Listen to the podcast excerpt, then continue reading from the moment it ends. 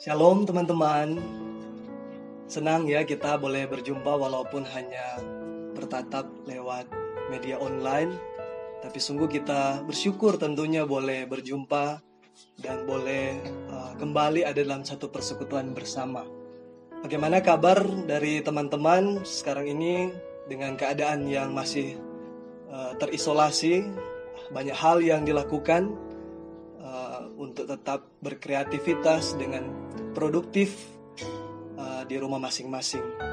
Nah, teman-teman hari ini kita akan belajar satu topik yang begitu uh, menarik dari uh, unit pelayanan mahasiswa Kristen Fakultas Teknik Universitas Negeri Manado. Untuk itu, sebelum kita masuk lebih jauh di dalam materi tersebut, mari kita memohon pertolongan Tuhan, kita berdoa. Mari kita tundukkan kepala kita berdoa. Bapa di sorga, kami sungguh menyadari betapa Engkau sungguh mulia, agung, dan kudus, bahwa Engkaulah pemilik atas seluruh hidup kami, Engkau Allah yang menjadikan kami, yang menciptakan seluruh isi dunia ini, yang tidak pernah meninggalkan perbuatan tanganmu, kami berterima kasih Tuhan kalau hari ini Engkau boleh mempertemukan kami dalam satu persekutuan melalui media online secara virtual kami boleh berjumpa, kami percaya bahwa ada relasi yang terus terkoneksi satu dengan yang lainnya. Bahwa kerinduan kami yang pertama dan terutama adalah terus mengenal kehendak Tuhan dan melakukannya. Bagi kami sekalian yang akan belajar satu topik tentang self-knowing, bagaimana kami mengenali diri kami. Tuhan tolong supaya kami dapat memahami secara benar dan boleh melakukannya dalam hidup kami. Sungguh kami menyadari bahwa jika bukan kuasa rohmu yang kudus yang memampukan kami, kami tidak mungkin dapat mentaati kehendak Tuhan. Biarkanlah tanah hati kami bisa meresponi kebenaran firman-Mu dengan taat. Terima kasih Bapak dalam kerjaan sorga di dalam nama Tuhan Yesus kami berdoa dan bersyukur. Amin. Baik teman-teman, eh, kita akan mempelajari topik tentang self-knowing. Jadi materi ini mencoba menolong kita sekalian bagaimana memahami dan mengenali diri kita. Siapa kita dan siapa Allah di hadapan kita. Oleh karena itu, mari kita membuka Alkitab kita bisa menggunakan Alkitab dalam bentuk buku ataupun yang menggunakan melalui smartphone teman-teman.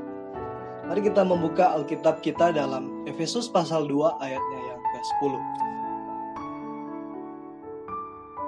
Karena kita ini buatan Allah diciptakan dalam Kristus Yesus untuk melakukan pekerjaan baik. Ia mau supaya kita hidup di dalamnya. Demikian pembacaan firman kita mengawali uh, landasan firman Tuhan untuk kita mempelajari materi kita di saat ini. Teman-teman yang dikasih dan diberkati oleh Tuhan kita Yesus Kristus, mengenali diri tidak akan pernah terlepas dari bagaimana cara pandang kita atau mindset kita tentang bagaimana kita berpikir tentang diri kita. Kita akan menemukan pandangan secara umum ungkapan dari orang-orang tentang bagaimana mengenali diri itu terjadi pada saat di masa pubertas, ketika masa remaja ya, dari kanak-kanak menuju dewasa, masa-masa itu sering kali orang-orang mengungkapkan bahwa itu proses di mana seseorang mulai mengenali diri atau mulai mencari jati dirinya. Tetapi di lain sisi teman-teman ada juga yang berpendapat bahwa proses mengenali diri juga terjadi selama uh, golden age atau mulai umur dari 1 sampai 6 tahun. Karena di masa itu adalah masa yang sangat penting untuk menanamkan nilai-nilai hidup dan bagaimana dia bisa mengenali siapa dirinya. Bahkan kita tahu juga di masa-masa itu kalau masih umuran 1 sampai 2, 3, 4 tahun dan seterusnya itu uh, seseorang kemudian diajarkan mengenali uh, bagian tubuhnya, entah itu mulut, mata, hidung, telinga, dan lain sebagainya. Nah, secara umum ada berbagai pandangan juga yang berkembang teman-teman berkaitan dengan uh, bagaimana membedakan tipe-tipe kepribadian manusia untuk boleh mengenali seseorang yang A, yang B, yang C, yang D dan seterusnya. Uh, ini itu dia tipe seperti apa dan kemudian dalam tipologi kepribadian ada beberapa ahli yang coba mengumumkakan tentang tipologi te temperamen manusia yang dibagi dalam empat temperamen uh, Galen 180 yang umumnya kita kenal bersama ada melankolis, kolerik, sanguin, dan juga flekmatik. Dia adalah seorang yang berupaya untuk membagi kepribadian manusia itu, mencoba mengenali manusia itu dengan cara membagi ke empat kategori uh, tersebut. Jadi Galen teman-teman mengemukakan bahwa dari keempat tipe manusia ini secara temperamen kalau kita kenal orang yang melankolis, dia yang mudah tersentuh, dia yang flekmatik, dia uh, easy going, dia penyuka damai. Kalau kolerik, orang yang uh, tegas ya dikenal. Kemudian kalau orang yang sanguin uh, suka berkawan dan penuh apa ya, keceriaan, charmingnya. Nah, pandangan ini sebenarnya teman-teman pada awalnya dipopulerkan oleh tim Lahaye yang dimuat dalam satu judul buku tentang transform temperamen yang kemudian disederhanakan oleh Florence dalam buku Personality Plus. Nah, itu salah satu pandangan populer mengenai uh, siapa sebenarnya manusia atau seperti apa tipe-tipe manusia di dunia ini. Pandangan populer lainnya teman-teman adalah mungkin teman-teman juga tahu ya. Ada yang bilang introvert, extrovert. Ini dikemuka, dikemukakan oleh Carl Gustav uh, Jung yang seorang juga peneliti atau psikolog yang melihat bahwa orang yang ekstrovert adalah orang yang terbuka, dinamis, ramah, dan uh, secara praktis dapat mudah beradaptasi dengan banyak situasi. Sementara orang-orang yang dikategorikan introvert, orang-orang yang tertutup, intuitif, reflektif, imajinas, penuh imajinasi, dan orang yang uh, sering kali menarik diri, suka bersembunyi, dan uh, tidak berinteraksi dengan banyak orang. Seperti dengan pandangan umum lainnya tentang bagaimana membedakan kepribadian orang dari bentuk tubuh. Jadi ada orang yang bentuk tubuh yang tinggi, pendek, gemuk, kurus. Seorang kemudian mengkategorikan uh, seseorang yang tubuh uh, gendut atau gemuk itu punya kepribadian seperti ini, yang kurus seperti itu. Dan ada berbagai macam pandangan mengenai uh, bagaimana mendefinisikan manusia. Lalu bagaimana dengan kita, teman-teman? Tentu kita bertanya dan juga uh, merenungkan bagaimana eh, pandangan-pandangan uh, kita yang juga bukan tidak mungkin me meyakini pandangan-pandangan populer ini bahwa itu juga bagian dari uh, hidup saya teman-teman dari berbagai pandangan populer yang coba dikemukakan tadi dari para ahli dan orang-orang yang berupaya untuk meneliti secara ilmiah, kita mendapati dua hal bahwa ada kelemahan dan ketidakakuratan ketika mencoba mendefinisikan manusia secara umum, bagaimana mengenali tipe-tipe manusia tersebut. Karena bisa jadi seseorang itu akan terjebak dan kemudian merasa aman. Mengapa demikian, teman-teman? Saya katakan merasa aman dan terjebak Seorang bisa merasa aman ketika dia melabeli dirinya sebagai seorang yang ekstrovert misalnya. Dia akan mengatakan bahwa dia seorang yang terbuka, mudah berelasi, menjadi seorang yang begitu ramah dan merasa bahwa dia dapat beradaptasi di berbagai situasi dan sifatnya dapat secara praktis menerapkan banyak hal. Kemudian di satu sisi seorang yang dikatakan, dikatakan terjebak teman-teman dia akan merasa bahwa dirinya seorang yang introvert dia tertutup dia banyak berpikir dia terlalu reflektif intuitif menarik diri untuk bersembunyi tidak terlibat dalam satu perkumpulan.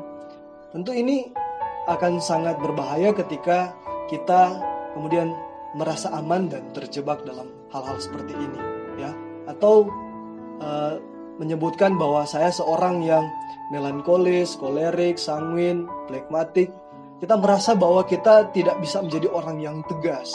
Padahal kita tentu saja ketika mengupayakan itu pasti ada proses-proses yang bisa mengubahkan hingga seorang itu yang dahulu barangkali tidak bisa sehingga di dalam proses waktu berjalannya hidupnya dia kemudian berubah, dia mengalami satu transformasi kepribadian yang makin membuatkan makin membuat dia mencapai apa yang menjadi tujuan dirinya diciptakan. Lalu bagaimana teman-teman cara untuk kita dapat mengenali diri dengan benar? Cara yang benar di dalam mengenali diri adalah dengan memulai kita mengenali siapa pencipta kita. Ibarat suatu barang, teman-teman, kita tentu tahu ya, kalau meja ini, teman-teman, sang tukang kayu merancang meja ini untuk dijadikan tempat menaruh barang dan berbagai hal-hal yang lainnya untuk mempermudah aktivitas manusia ya. Atau lampu ini dirancang supaya dapat menerangi kegelapan ketika ruangan itu gelap atau kurang elok dipandang. Sama halnya dengan hidup manusia, teman-teman. Hidup kita dirancang secara spesifik oleh Allah untuk memenuhi visi daripada Allah, maksud dan tujuan Allah. Bagaimana Allah menciptakan dunia ini dan beserta isinya, termasuk kita di dalamnya manusia diciptakan Allah, tentu saja kita tahu bersama ya ketika kita melihat di dalam firman Tuhan, Allah menciptakan manusia menurut gambar dan rupa Allah. Allah menciptakan saya dan saudara menurut peta dan teladan Allah. Imagodai. Kita diciptakan bahkan dikatakan di dalam Alkitab bahwa kita adalah ciptaan yang mulia berbeda dengan ciptaan yang lainnya. Kita diberikan perasaan, emosi, kita diberikan pikiran untuk boleh berpikir dan mengusahakan sesuatu. Namun Alkitab juga mencatat teman-teman bahwa ciptaan yang dijadikan begitu mulia ini manusia oleh karena kedengkilan hatinya dan pemberontakan yang dilakukan oleh manusia yang pertama Adam sehingga membuat manusia jatuh ke dalam dosa dan peta gambar Allah yang mulia itu menjadi rusak. Akhirnya manusia menjalani hari-hari hidup begitu kacau, tidak menentu, dan kita bisa menyaksikan di dalam Alkitab ketika membuka mulai dari kejadian sampai perjanjian baru teman-teman kita akan melihat serangkaian perbuatan-perbuatan yang jahat di mata Tuhan. Tetapi teman-teman bukan hanya sampai di situ saja. Alkitab juga mencatat bahwa ketika manusia yang pertama Adam dan Hawa jatuh ke dalam dosa, Allah tidak tinggal diam atau membiarkan ciptaannya. Maka ada berbagai pandangan juga yang menyebutkan bahwa Allah hanya menciptakan dunia ini dan membiarkannya. Tetapi kita percaya bahwa Allah adalah Allah yang setia mencipta dan memelihara bagaimana ciptaannya. Untuk itu, ketika kita menilik Alkitab di kejadian pasal 3 itu kita akan menemukan bagaimana ketika manusia jatuh ke dalam dosa, Allah kemudian bernubuat atau menjanjikan ada seorang pribadi yang akan meremukan kepala si ular. Dari keturunan perempuan ini akan lahir seorang yang akan meremukan kepala si ular. Dan ular itu akan meremukan tumitnya atau seseorang yang lahir dari keturunan perempuan itu atau yakni Hawa. Rencana Allah begitu sempurna di dalam rancangannya bahwa Allah mengutus anaknya putra tunggalnya Mesias Yesus Kristus untuk menjadi jalan pendamaian akibat dosa manusia maka ketika seseorang menyerahkan hidupnya, dirinya kepada Allah di dalam Kristus Yesus, dia mengalami satu pembaruan menjadi hidup yang baru. Kan di Rasul Paulus berkata bahwa jadi siapa yang ada di dalam Kristus sesungguhnya dia adalah ciptaan baru. Yang lama sudah berlalu sesungguhnya yang baru sudah datang. Jadi seseorang yang mengalami kehidupan kembali, lahir baru. Dia kemudian mengenal dirinya sebagai seorang yang berdosa yang beroleh kasih karunia. Teman-teman, ingat pembacaan kita tadi mengawali materi ini dalam Efesus pasal 2 ayat 10. Kita akan mendapati di ayat-ayat sebelumnya di ayat 8 ini sering kali menjadi ayat yang banyak kali kita uh, bicarakan baik itu di kelompok kecil kita, di persekutuan, baik di kelompok besar atau berbagai pembinaan lainnya. Bahwa uh, ayat itu menyebutkan sebab hanya oleh kasih karunia kamu diselamatkan oleh iman. Itu bukan hasil usahamu, tetapi pemberian Allah itu bukan hasil pekerjaanmu. Jangan ada orang yang memegahkan diri. Kemudian di ayat 10 bacaan kita yang kita baca mengawali materi kita di saat ini. Untuk belajar mengenali diri kita secara benar, maka kita harus memulai terlebih dahulu mengenal siapa pencipta kita. Siapa Allah kita? Allah kita adalah Allah yang maha kudus yang menginginkan kesucian sehingga manusia yang terlihat terhilang akibat jatuh ke dalam dosa harus mengalami penebusan yang dilakukan di dalam Kristus Yesus di atas kayu salib. Sebagai ganti akan seluruh pelanggaran kita kepada Allah. Maka setiap orang yang percaya kepadanya, teman-teman, beroleh keselamatan, menjadi ciptaan baru dan memiliki tugas untuk diutus menjadi duta Kristus di tengah-tengah dunia untuk membawa shalom Allah. Teman-teman, ketika kita mengenali diri kita berarti kita mengerti tujuan spesifik spesifik Allah bagi diri kita.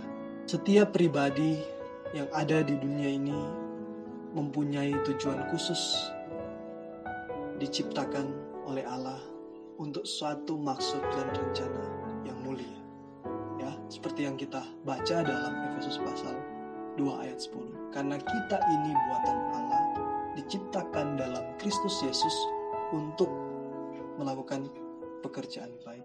Ia mau supaya kita hidup di dalamnya. Nah, ini identitas ketika seseorang menyadari dan mengenali siapa dirinya dan siapa Allah di hadapannya.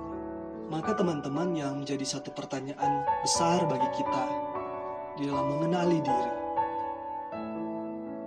Siapa Allah bagi kita, bagi saya dan saudara? Dan siapa saya di hadapan Allah? Itu hal yang menjadi pertanyaan secara pribadi bagi saya dan saudara. Karena pemahaman ini teman-teman akan sangat menolong bagi kita mendefinisikan siapa sesungguhnya diri kita dengan segala talenta kita, waktu kita, kemampuan, serta kelemahan kita. Pertanyaan itu akan sangat menolong kita dalam kita memahami diri kita. Karena di dalam kita menjalani hari demi hari, hanya ketika kita memahami bagaimana Kristus yang telah menebus kita sehingga kita dapat memahami atau mengenali diri kita secara baik, secara benar. Dan proses dari kehidupan yang baru itu terus-menerus terjadi pembaruan dari hari ke sehari yang makin hari makin serupa dengan Kristus. Oke, teman-teman, kalau kita kembali merenungkan bagaimana perjalanan hidup kita, perjalanan iman kita, kita mengenal Kristus secara pribadi, kita tentu akan terkagum bahwa kita tidak pernah membayangkan bahwa hidup kita ada sampai saat ini mengalami berbagai macam perkembangan yang baik di dalam pekerjaan Allah. Maka kalau kita coba merenungkan teman-teman kita akan kagum dengan berbagai hal yang Allah karyakan di dalam hidup kita. Tentu teman-teman di dalam kita terus-menerus mengenali diri, peran komunitas menjadi sentral di dalam pembentukan nilai-nilai hidup ketika seseorang itu mengalami hidup yang baru di dalam Kristus. Komunitas menjadi tempat di mana seseorang mengkristalisasi ide dan gagasan dan nilai hidupnya tentang apa yang dia perjuangkan. Saya, teman-teman, menyaksikan ada begitu banyak teman-teman ketika saya sewaktu kuliah, bahkan ketika menjadi alumni di waktu mahasiswa, ya betul-betul dan bersungguh-sungguh untuk mencari tahu kehendak Allah, apa yang Allah rencanakan di dalam hidupnya, apa yang Allah uh, atur di dalam kehidupannya. Dia kemudian berpikir tentang apa yang Allah inginkan untuk dia kerjakan. Dia betul-betul bersungguh-sungguh mencari tahu kehendak Allah di dalam doa dan firman. Maka komunitas yang paling sederhana yang dapat membuat kita terus-menerus mengalami pertumbuhan iman, berkembang, dan mencapai rencana Allah yang mulia itu adalah komunitas kelompok kecil, kelompok tumbuh bersama, bahkan tempat kita melayani Tuhan di UPK ya, ataupun di BPMK, di pelayanan mitra-mitra pelayanan kita, di LPMI, di Perkantas, di GMKI, itu adalah bagian bagaimana komunitas menjadi sarana yang sangat efektif untuk membentuk kepribadian seseorang dan juga makin melatih seseorang menjadi lebih baik dan berkembang hari demi hari. Teman-teman,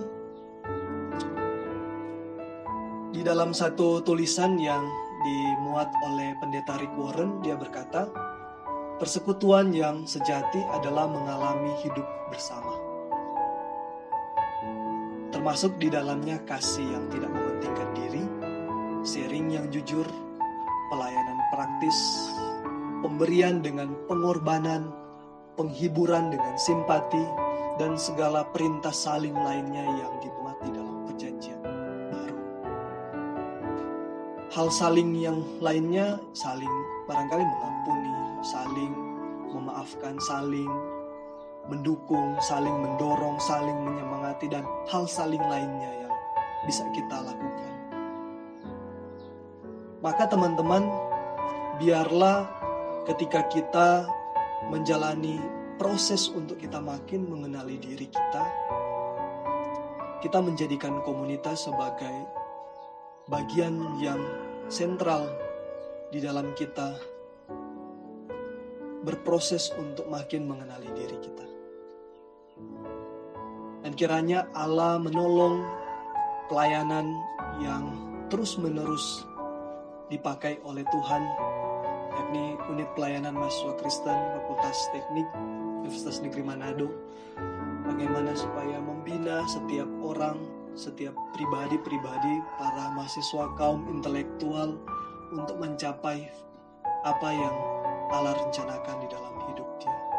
Kita akan menemukan banyak sekali kesaksian teman-teman ketika seseorang yang dahulu memiliki penilaian yang rendah terhadap diri, namun kemudian diubahkan melalui satu komunitas orang-orang percaya. Komunitas orang-orang percaya ini dipakai oleh Tuhan secara luar biasa, bukan hanya saling menyemangati, tetapi juga ada saling menasihati, saling menegur dengan penuh kasih. Kiranya teman-teman, materi pembinaan kita di saat ini dapat menolong kita untuk supaya memahami atau mengenali diri kita dan boleh menjadi berkat bagi banyak orang. Mari kita berdoa. Bapa di sorga, kami bersyukur karena Tuhan telah berbicara kepada kami bahwa kunci daripada kami mengenali diri kami adalah bagaimana kami mengenali siapa kami di hadapanmu. Kami sungguh menyadari bahwa kami adalah manusia yang telah berdosa dan telah kehilangan kemuliaan Allah. Namun oleh kasih karunia yang dikerjakan di dalam karya salib Kristus, kita beroleh kehidupan yang baru yang dibaharui hari demi hari untuk mencapai satu tujuan Allah yang mulia. Kiranya Tuhan menolong kami, Tuhan memberkati juga para pengurus UPK MK Fatik Unima di masa pandemi ini yang berupaya terus secara kreatif untuk menjawab kebutuhan pelayanan. Tuhan memberikan kesehatan dan kekuatan. Dialah Tuhan juga yang memberkati teman-teman yang ada di rumah saja dengan segala aktivitas yang ada. Semoga Allah menolong dan memakai sarana media online ini untuk dapat menemukan iman percaya kita semua. Terima kasih Bapak dalam kerajaan sorga. Di dalam nama Tuhan kami Yesus Kristus kami berdoa.